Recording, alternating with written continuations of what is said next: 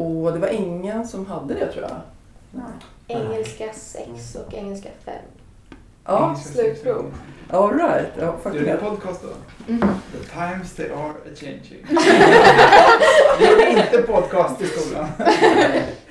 Vad heter det? Min sons lärare ringde till mig när han skulle gå ut nian. Och så sa han så här, ja jag har ingenting att gå på så jag kan inte sätta betyg. Ingenting att gå på. Jag tänkte menade han hela kursen? Alltså hela års, eller vad Mm. pratar han om? Men då var det ett ämne just. Och så sa han, ja de skulle ha spelat in en podcast och det har de inte gjort. Och han är lite blyg så att det förstod jag att han inte hade gjort. Och så sa han, men jag håller på med podcast så jag kanske kan hjälpa honom. Och jag kan hjälpa dem. Vad handlar det om då?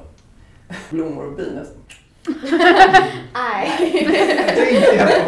Det. Blir inget betyg. Jag tror inte han uppskattat den här omsorgen. Nej, så det blev inget av med det. Nej men i skolan så är det mycket så att man spelar in när man pratar så läraren inte behöver vara med på allting. Precis. Eller så. Fantastiskt, läraren kan sitta hemma och bara... Nej. Men, men typ på, i filosofi och så, så har vi haft att vi har haft en del frågor så kan vi liksom diskuterat det. Och så har ju väl läraren kommit runt och så liksom hjälpt till och så men eh, det är ju alltså, simpelt för om man, alltså då kan man ju vara i små grupper och diskutera och eh, så kan han lyssna på det sen liksom. Skönt att slippa sina studenter. Det värmer passion. Då vill man också slippa emellanåt. De luktar äckligt och är smutsiga. och sådär. Ja. Ja, vet ni vad? Nu ska jag kort på det här. Och sen så tänker jag att ni får presentera er kort eh, med förnamn. Eh, och Gustav som ledare då, med Mm. förnamn och lärosäte. Och sen så eh, babblar vi lite, som vi gör. Så är det. Och eh, jag har inte lärt mig era namn helt ska jag erkänna. Så om jag snubblar så får ni hjälpa Sara. Said, Lin, Olle, Gustav. Sara Said, Precis. Lin. Lin, Gustav, Olle. Olle. Du som forskar på Almost.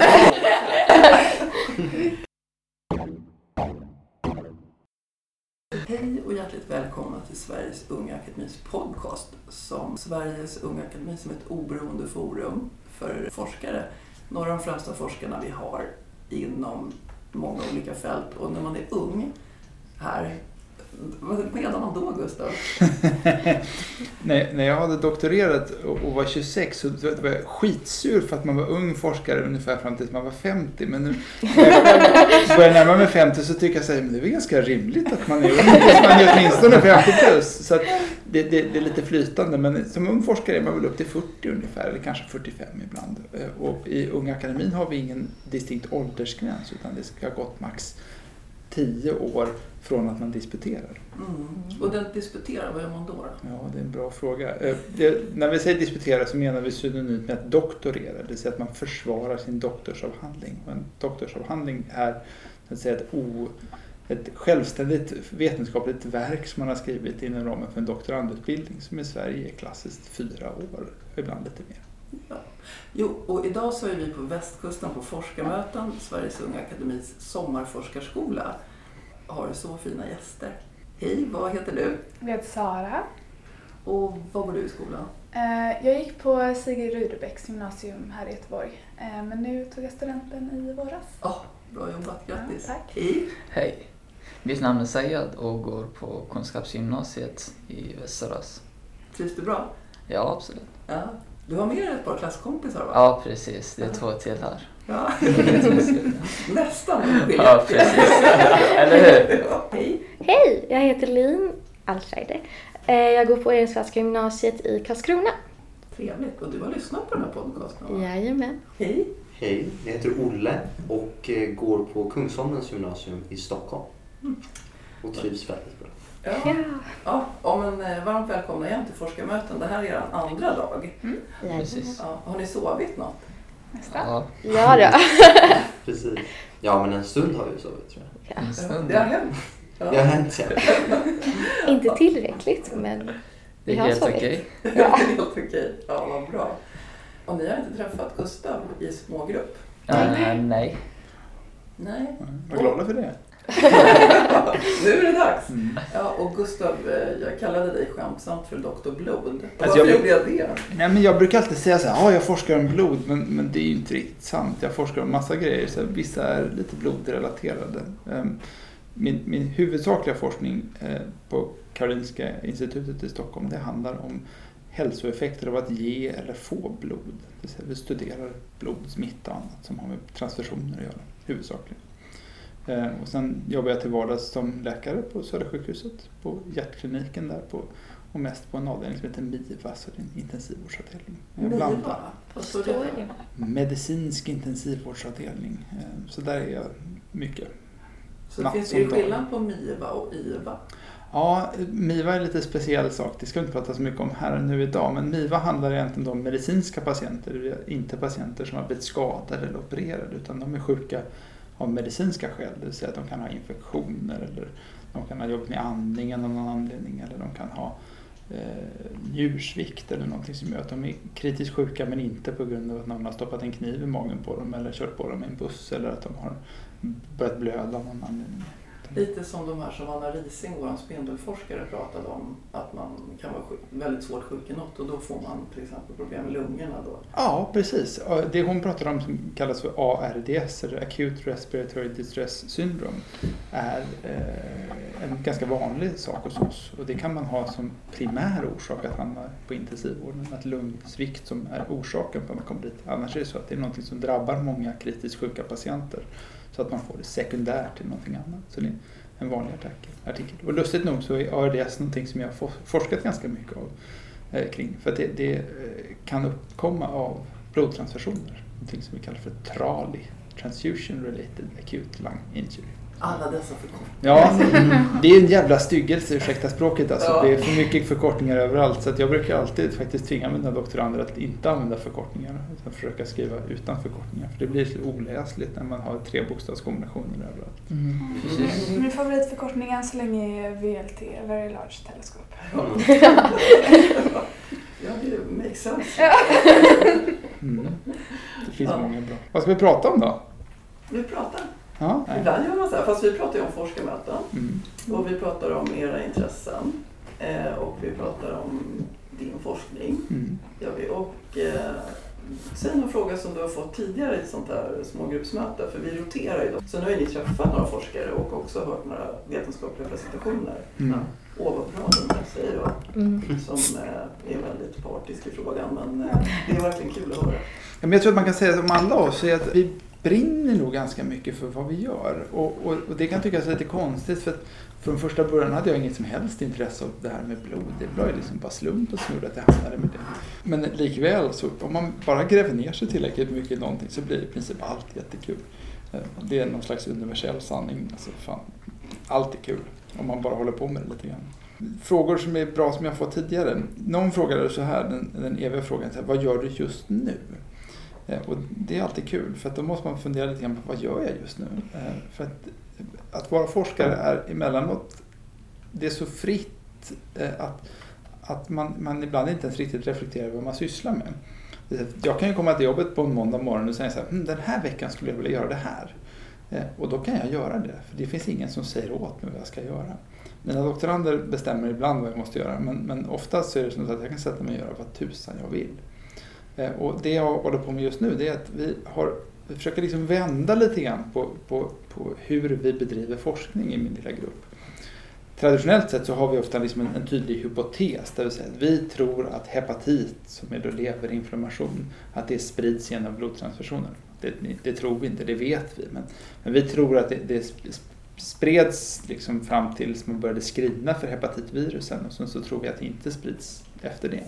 Det då har vi studerat det i ett antal studier. Vi tittar på hepatitspridningen i Sverige och, och vi har identifierat personer som sannolikt är smittade men inte vet det. Och så där. så det, det, det är ett pågående projekt. Men istället för att titta på en, med, ha en tydlig hypotes med, för en viss sjukdom så det vi gör just nu är att vi säger så här Finns det någon sjukdom som sprids? Om vi tar alla sjukdomar vi känner till och kan definiera och klassificera.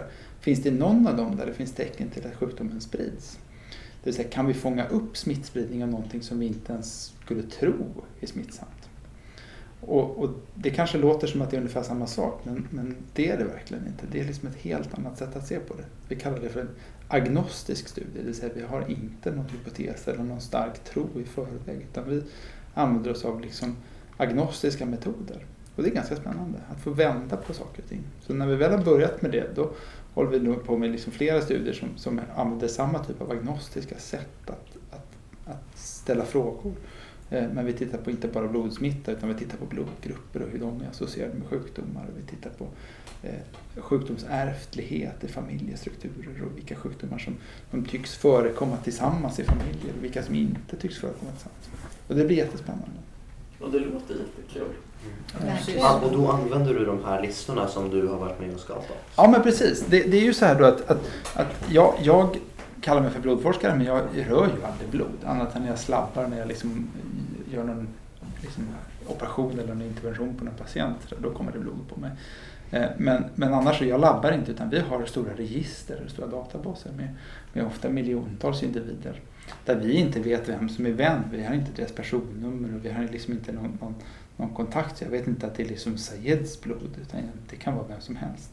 Men däremot så vet vi vilka sjukdomar de har och, och, och vi kan med, med liksom databaser beskriva familjestrukturer så vi vet vem som är mamma till vem och vem som är pappa till vem. Och så kan man säga att den här familjen med 15 personer, ja där var det åtta bröstcancerfall. Det var jättemycket. Eh, borde det kunna finnas någon sån familj överhuvudtaget? Så jag vill liksom kvantifiera fördelningen av sjukdomar i, inom familjen eller i, vad gäller liksom smittspridning genom transfusioner och saker. Så att det vi gör nu är att vi försöker liksom utforma metoder för att, att att utan en hypotes leta efter samband.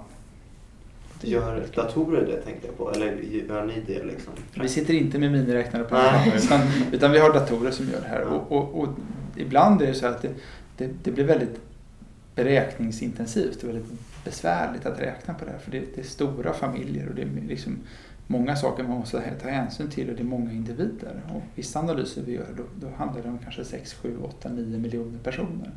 Eh, och, och, som har, man får liksom hålla koll på över tid och saker som ändras över tid. Så det blir enorma datasätt eller enorma datavolymer som ska beräknas och det blir ganska komplicerat.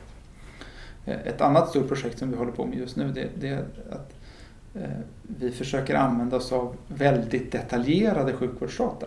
Eh, när man ligger på sjukhus så kan samlat in otroligt mycket information. Särskilt om man hamnar på en intensivvårdsavdelning där, där personer som ligger i, en respirator och eh, är uppkopplade som vi säger.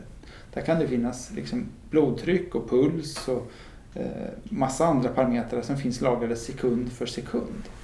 Och det blir groteskt mycket data. Eh, och det har vi ingen aning om hur vi ska använda oss av och hur man ska kunna räkna på alla de här data. Så det försöker vi jobba lite grann med också. Att försöka göra liksom bättre metoder för att hantera stora datamängder för att sen kunna ställa viktiga frågor med de här data. Big data. Ja. Big data, precis. Det, det är ett modeord som jag, jag använder jättemycket för det, folk tycker att allt som är big data är bra. Eh, jag kan ingenting alls om big data. Jag bara säger att det är big data för då, då har man större chans att få forskningsfinansiering och få pengar.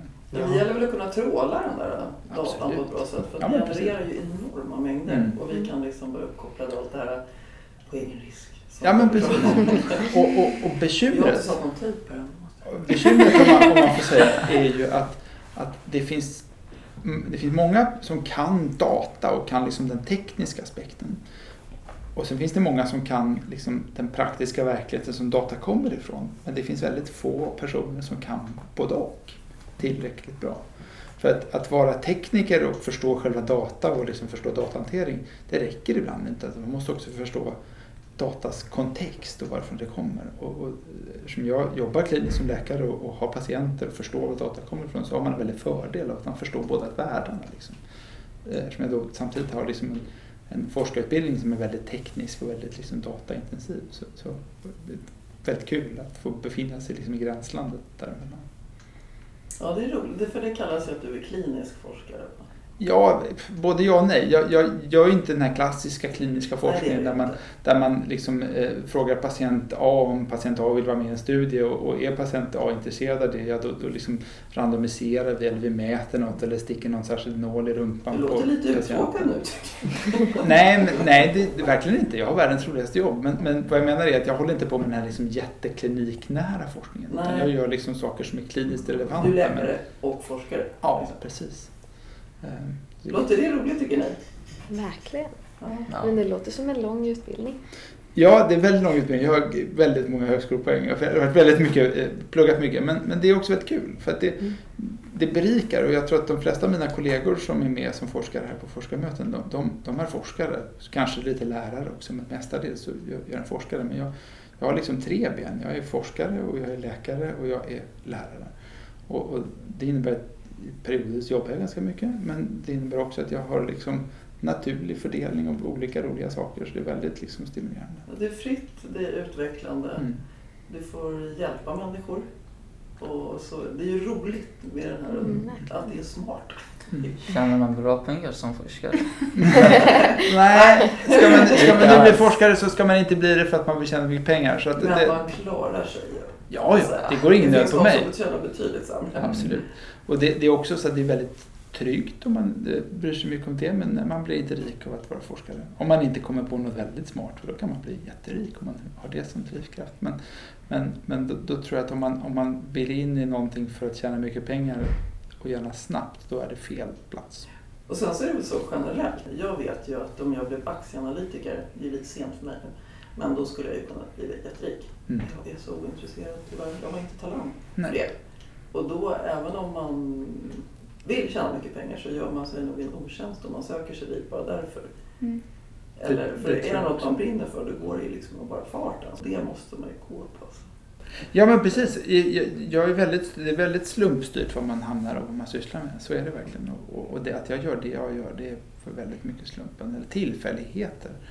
Och, och sen är det väl liksom med allt om man är liksom lite nyfiken och, och sådär, eh, har ett öppet sinne så, så kan man hamna på spännande ställen eh, och göra roliga saker. Jag hade någon idé om jag tyckte eh, det någonting skulle vara coolt eller spännande. Men sen så tänkte jag inte alltid på vad det innebar. Vad jag gjorde i vardagen och vilken typ av kultur den arbetsplatsen eller branschen hade. Och så det kunde ju hända att man väl var där. Det, Mhm. det var inte så där som jag hade tänkt. Utan det får man också undersöka. Har du någon, eh, vad hade du? Du var intresserad av Äh, matte och fysik. matte Mm. och fysik. Ja, Eh, precis. har du någon mer? Fotboll var det? Ja, Mm. fotboll och schack ibland. Ja, schack Ja, ibland ja, också. precis. Ja, vad kul. Vilken mix. Ja, eller hur? Och sen så tänkte jag på en äh, mattespel som mitt gymnasiearbete. Ja. Jag ska börja trean snart. Så, men jag har inte kommit så långt så, men det är bara en tanke och ett mål så att jobba med ett mattespel. Mm. Vad kul. Ja, precis. att matte är ju en otroligt bra sak för det är grunden till i princip allt vi gör. Ja, det Eh, eh, Så, så jag använder liksom inte, inte eh, vad ska man säga, teoretisk matematik men, men, men vi gör ju matematiska statistiska beräkningar i alla, i alla studier och alla Ja, grejer. Så att det, att ha en bra mattegrund är liksom oumbärligt egentligen vilken sorts forskare man än är. Matematik är ju naturens språk på sätt och vis. Ja, och, och det är Mm. liksom ett verktyg som vi använder i princip för allt annat. Liksom fysik är tillämpat matematik. Kemi blir mer och mer matematik också. Eh, och, och jag ska inte säga att medicin är så matematiskt alla gånger. Det finns delar där vi räknar lite saker. Men, men, men däremot medicinsk forskning är i princip Vilka alltid delar är det då? Man måste räkna mycket. Nej men alltså, man kan säga så här, om man, om man jobbar inom intensivvården så är det väldigt fysiologiskt och jag sitter inte med penna och papper men vi gör massa beräkningar hela tiden och det är ju liksom aritmetik så det är oftast enkel matematik men det får inte bli fel. Eh, så att mycket av vi gör är ju matematiskt liksom, har en matematisk bakgrund. Och, och om vi exempelvis om vi gör, en ultraljudsundersökning av hjärtat på någon eh, och, och då räknar ut slagvolymer på hjärtat och man räknar ut flödeshastigheter så är det baserat på liksom klassisk eh, fysik med klassiska matematiska beräkningar. Nu görs de mer eller mindre automatiskt men det går att härleda precis hur det går till. Liksom. Eh, Så att matematiken har ju liksom en, ett sätt att leta sig in i allt vi, vi gör. Ja, precis. och det är ganska kul. Eh, Så att jag var själv jätteintresserad av matte och jag hade nog tänkt mig att bli matematiker från början. Och, och, och- läste rätt så mycket matte på universitetet tills jag insåg så här, men jag är nog inte så bra på matte. Det, här, det, det, räcker nog, det räcker nog inte för att kunna göra någonting liksom lite nyskapande. Eh, För matte handlar i mångt och mycket om att man, man måste ha en särskild sorts begåvning. Eh, Och sen är det hårt arbete såklart också. Men, Ja, vi, vi har faktiskt haft en forskare som har varit ledamot i akademin som är i Göteborg. Hon heter Tinde Philip. Hon är plasmafysiker ja. och hon hävdar ju med bestämdhet att precis som med allt så måste man träna sig i matte. Mm. Och eh, förlåt Tinde, nu minns inte jag om det är männen. Det kanske Bulgarien som du kommer på. Men eh, där, hon, hennes föräldrar var lärare och hon älskade att plugga matte när hon var liten. Och de hjälpte ju henne med det. Och när hon skulle åka på sommarlov så sa de nu får du inte ta med dig matteboken. Du måste faktiskt eh, göra något annat också. Det hände inte mig kan jag avslöja. Jag menar, du hade alltid matteboken med dig? Ja, precis. Ja, Eh, ja. Men så är det med allt. Det, Ja. det är ju liksom så att man, man kan inte förvänta sig att man kan allting direkt. Min, min son som är fem och han älskar att läsa saker, men han kan, han kan bli så otroligt arg när han inte kan saker. Mm. Jag försöker förklara för honom, men man måste prova och prova och prova och försöka, försöka, försöka. Så var vi någon gång i en park och såg några killar som höll på att åka skateboard. Och vi såg en av de här killarna, han försökte sig på någon, det kallas för att grinda tror jag, och han skulle liksom hålla upp på någon bänk och sen grind ner för någonting och så och han försökte och försökte. Jag tror att han försökte 50 gånger och ramlade och ramlade och ramlade. Och Nisse som min son heter och jag satt och tittade på det här. Eh, och, och till slut så fick han till det och det blev perfekt. Och då var det, så- det, det vi pratar ofta om det här, att du, kommer du ihåg hur många gånger han slog sig killen på skateboarden? Och då liksom Nisse bara, ja, det tog ju lång tid. Ja.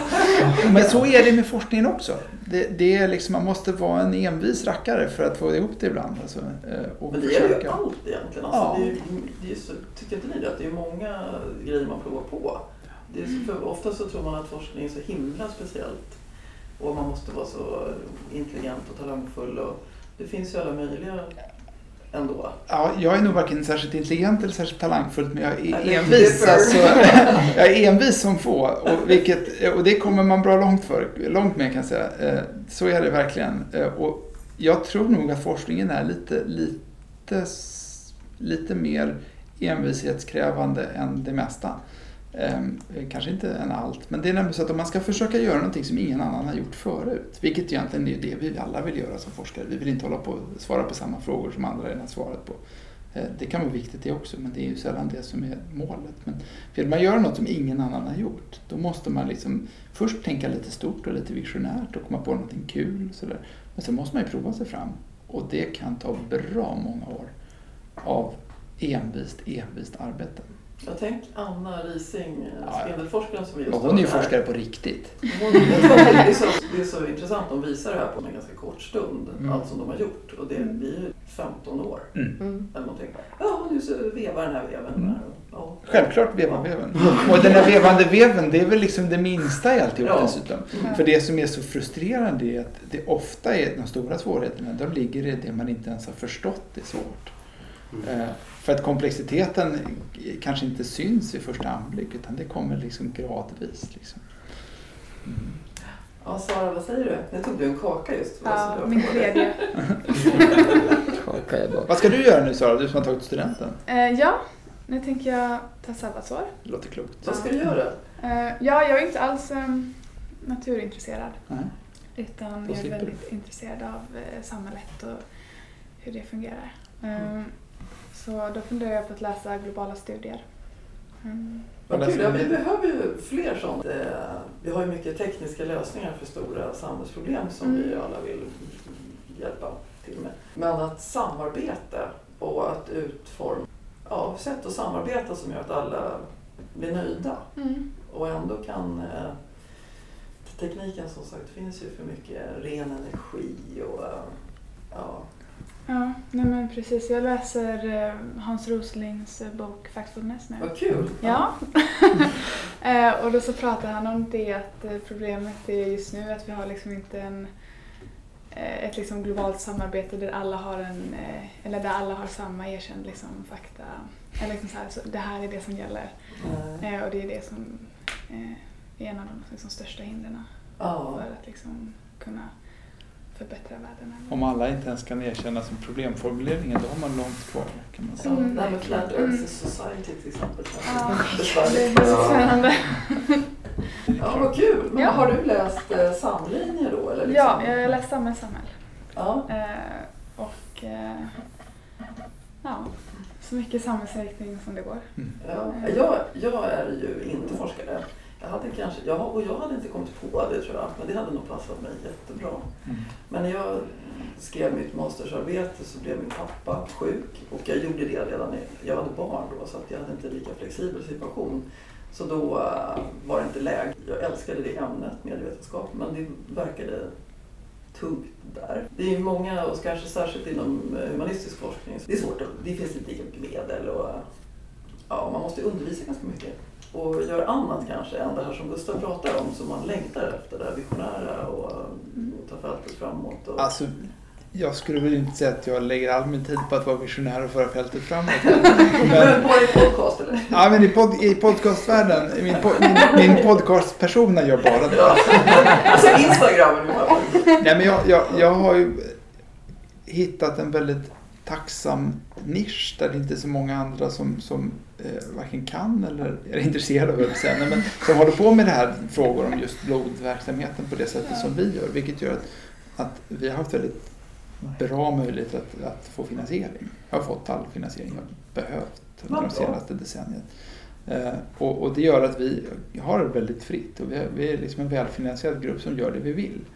Eh, och, och det är ynnest liksom, för det gör att jag kan lägga väldigt lite tid på, på liksom administrativt dravel och får bara ägna mig åt det som är kärnverksamheten. Mm. Nej, men- Skämt, skämt åsido så, så, så eh, går det som forskare idag att ha en väldigt fri verksamhet eh, tvärt emot vad alla säger. Och sen utvecklas man ju eftersom man lär och skriver nytt. Det är extremt utvecklande. Att jobba med forskning kan ju också vara mer saker. Liksom. Jag läste eh, medievetenskap och så tittade jag på hur man pratar om eh, miljöproblem och vilka miljöproblem man pratar om på TV-nyheterna. Och det var ju inte alltid samma som eh, forskningen tyckte var alarmerande. Och det har ändrats mycket över tid. För först var det så här, oljespill kunde det vara, men sen har det blivit mer komplext. Jag läste eh, Millennium Ecosystem rapport, äh, rapport som gjorde en översiktsstudie på tillståndet i ekosystemen i världen. Det var jätteintressant. Inom forskningen så kommer man ju fram till jätteintressanta grejer men det är inte alltid som det hittar ut i världen. Nej. Eller Gustav, vad säger du här med... Det var ju någon nyhet om dig som blev... Ja men så här. eh, eh, Det här om- med farliga repor, Ja, lämna blod om man är gravid. Eller? Ja, tvärtom. Eh, Det här är en ganska kul grej tycker jag, eller ganska lärorik grej. Att, att bara för att något är, är publicerat av forskare som har liksom gott renommé och publicerat i en fin tidskrift så behöver inte betyda att det är sant.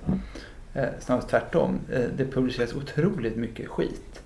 Eh, och då för eh, ett par år sedan, så, eller ett och ett halvt år sedan är det kanske, så, så kom det en rapport med en studie eh, som menade på att om man fick blod från en kvinnlig blodgivare som hade varit gravid så ökade risken att dö för den som fick blodet. Men det ökade bara om man själv var en ung man.